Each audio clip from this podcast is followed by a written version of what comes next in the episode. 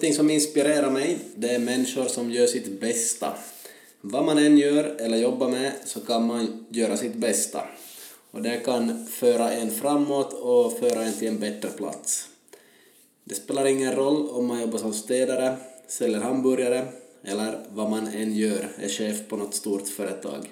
Man kan fortfarande göra sitt bästa vad man än sysslar med och det kan ta en ganska långt.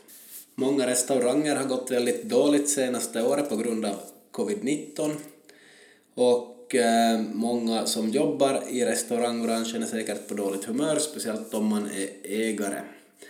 Och eh, då är risken att man börjar ge dålig kundbetjäning, man börjar smitta av sitt dåliga humör på kunderna och man är negativ och ger dålig kundservice.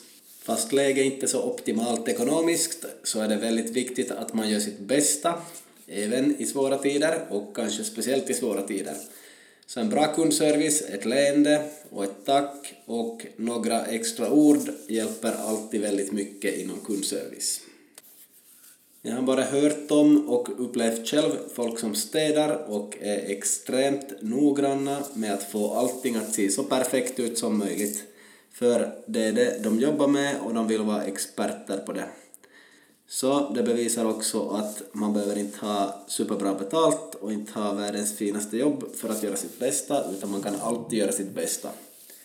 Petter Stordalen, som är stor hotellägare, berättar också att de som syns utåt, så det är de som städar och jobbar på hotellet.